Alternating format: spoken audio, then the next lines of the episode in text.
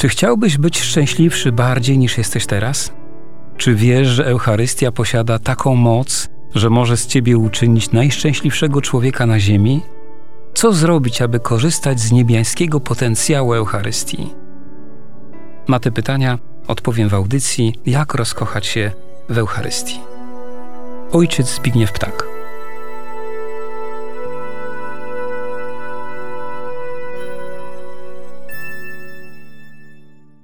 Kolejny raz wchodzimy na teren najświętszej w dziejach świata ofiary. Była ona przygotowywana od zamierzchłych czasów.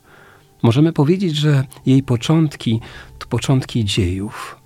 Pan Bóg w boskim swym umyśle i sercu miał niezwykły plan, by obdarzyć stworzenie miłością, którą sam w nadmiarze posiada.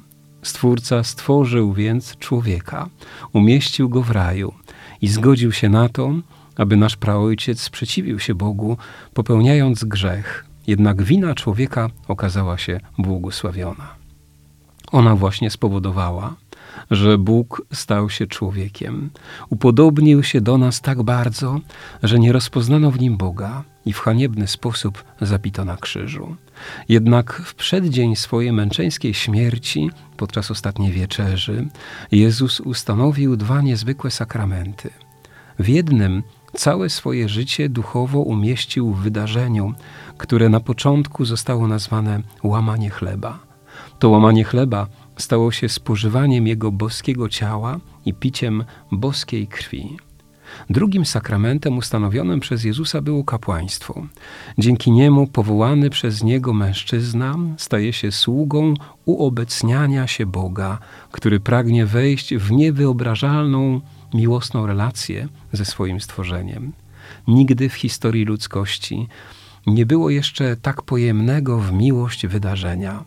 Ono jest zdolne przemienić najbardziej nieszczęśliwego człowieka na tej ziemi w najbardziej szczęśliwego człowieka. Warunek jest tylko jeden: dać się uwieść tej boskiej miłości. Miłości tej dotykamy po omacku, dlatego modlimy się o zakochanie się bez umiaru w tym, co tak wielkie, święte i miłosne. Módlmy się zatem. Wszechmogący Boże, ofiarujemy Tobie krew Jezusa Chrystusa, krew wszystkich męczenników, cnoty i zasługi Jezusa, Maryi, Józefa i wszystkich świętych, w połączeniu ze wszystkimi mszami świętymi, do tej pory sprawowanymi i tymi, które do końca dziejów będą jeszcze odprawiane w intencji naszego zadziwienia się Eucharystią, w intencji naszej żarliwej miłości do Eucharystii, w intencji naszego głodu Eucharystii i w tej intencji, abyśmy nigdy nie ulegli rutynie. Amen. Przed tygodniem mówiliśmy o modlitwach wstawienniczych. Wyrażają one prawdę, że Eucharystia jest sprawowana w zjednoczeniu zarówno z całym Kościołem niebiańskim, jak i ziemskim, oraz że ofiarę składamy za Kościół i za wszystkich jego żywych i umarłych, którzy zostali powołani do udziału w odkupieniu i zbawieniu, jakie Chrystus im wysłużył przez swoje ciało i krew. Dzisiaj skoncentrujemy się na ostatnim elemencie modlitwy eucharystycznej, o której mówimy już od wielu tygodni. Jest nim końcowa doksologia. Kapłan w lewej dłoni trzyma patenę z konsekrowaną hostią, w prawej kielich z krwią pańską i unosząc je ku górze wypowiada następujące słowa. Przez Chrystusa, z Chrystusem i w Chrystusie, Tobie, Boże Ojcze Wszechmogący, w jedności Ducha Świętego, wszelka cześć i chwała przez wszystkie wieki wieków. Wiernie odpowiadają Amen.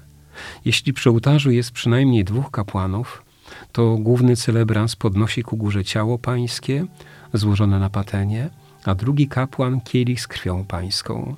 Jeśli obecny jest diakon, to on unosi kielich. Nauczanie Kościoła.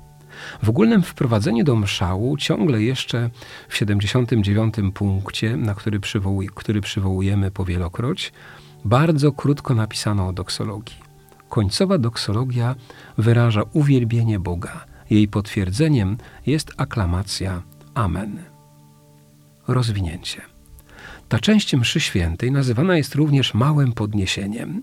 Jednak gest ten nie jest gestem, przez który kapłan ukazuje postacie. Były one przed chwilą ukazane podczas podniesienia. Doksologia ma charakter ofiarniczy. Wiadomo, że najważniejszym wydarzeniem w Eucharystii jest konsekracja. To, co się teraz dzieje, jest przedłużeniem konsekracji. Kiedy kapłan unosi ku górze ciało i krew Jezusa Chrystusa, to tak jakby mówił Bogu: Boże, Ojcze Wszechmogący, to wszystko, co wydarzyło się teraz we mszy świętej, ten największy cud przemiany na tej ziemi, jest powodem naszego uwielbiania Ciebie. Przyjmij, Ojcze, ciało i krew Jezusa Chrystusa. Wiemy, że jest to Jego dzieło i dzieło Ducha Świętego. To w całości dzięki Nim to wszystko zaistniało. Bo my, ludzie, jesteśmy widzami tych cudów i nie potrafimy się już tym dziwić. Ale w pokorze stajemy przed Tobą i oddajemy Ci pełną chwałę, czyniąc to przez Chrystusa, z Chrystusem i w Chrystusie. Doksologia podpowiada nam, że cały świat zmierza w kierunku Boga Ojca w niebie. Czyni to przez Chrystusa, w Chrystusie i z Chrystusem. Jednocześnie pokazuje nam, że nikt z ludzi tak naprawdę nie ma możliwości, aby uwielbić Boga jak tylko Chrystus. Wybitny liturgista Jungman uważa, że Jezus nie jest już osamotniony w swojej modlitwie kierowanej do Ojca, jak to było przed śmiercią w Ogrójcu. Teraz ci, których odkupił, są razem z Nim. Oni nauczyli się wraz z Nim chwalić Ojca, który jest w niebie. Oni są nawet z Nim zjednoczeni w tym uwielbianiu Boga Ojca. Ksiądz biskup Wacław Świeżawski, komentując końcową doksologię, pisze, że w tej modlitwie są trzy różne określenia naszej relacji do Chrystusa, czyli przez Chrystusa, z Chrystusem i w Chrystusie. Każda z nich zawiera w sobie inne treści. Przez Chrystusa akcentuje Jego pośrednictwo. Jezus Chrystus, Bóg człowiek, to pośrednik między Ojcem i nami. Pośrednik udzielający uświęcenia, udzielający nam, ludziom, daru z nieba, daru boskiego i pośrednik, biorący od ludzi to, co ludzkie, aby przebóstwić i oddać nas Ojcu. Sformułowanie z Chrystusem znaczy, że nie jest On sam. Cały Kościół, my wszyscy jako Kościół jesteśmy ciałem Chrystusa. Prosta konsekwencja spożywania Eucharystii. Z Ewangelii Świętego Jana: Kto spożywa moje ciało i krew moją pije, trwa we mnie, a ja w nim. Jeżeli wszyscy spożywamy ciało Chrystusa, wszyscy jesteśmy Jego ciałem.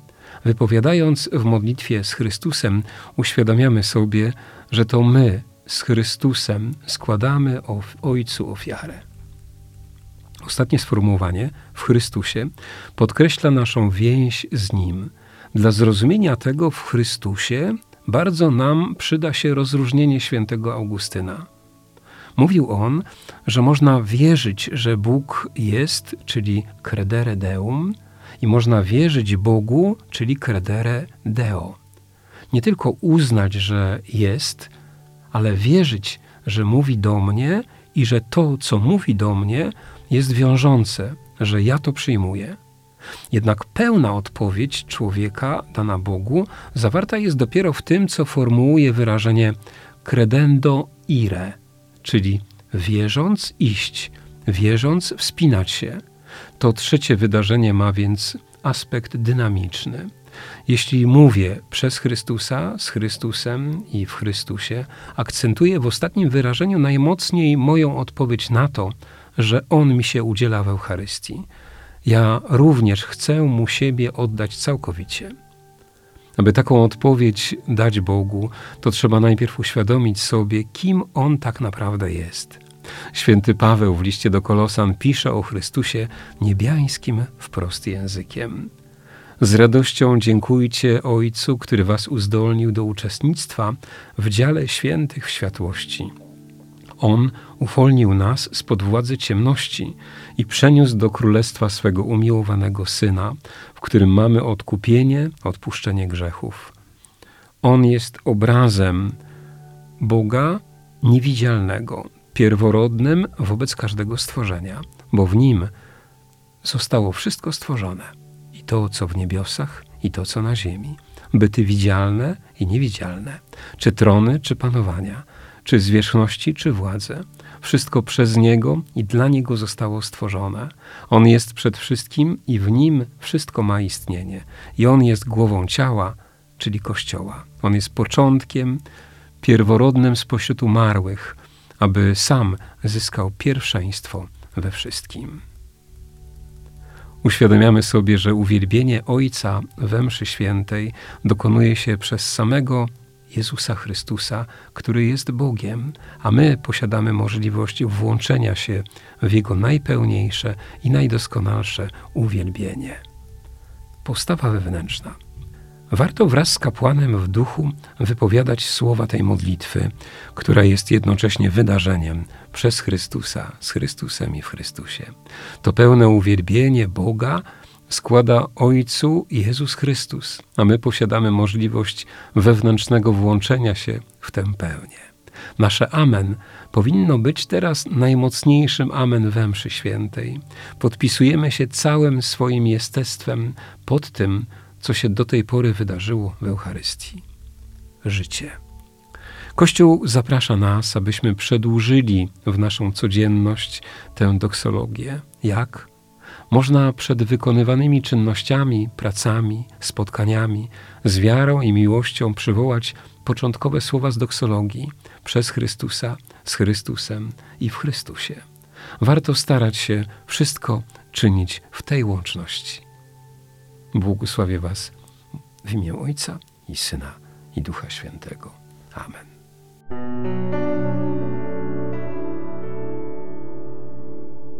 Czy chciałbyś być szczęśliwszy bardziej niż jesteś teraz? Czy wiesz, że Eucharystia posiada taką moc, że może z ciebie uczynić najszczęśliwszego człowieka na ziemi? Co zrobić, aby korzystać z niebiańskiego potencjału Eucharystii? Na te pytania odpowiem w audycji Jak rozkochać się w Eucharystii. Ojciec Zbigniew Ptak.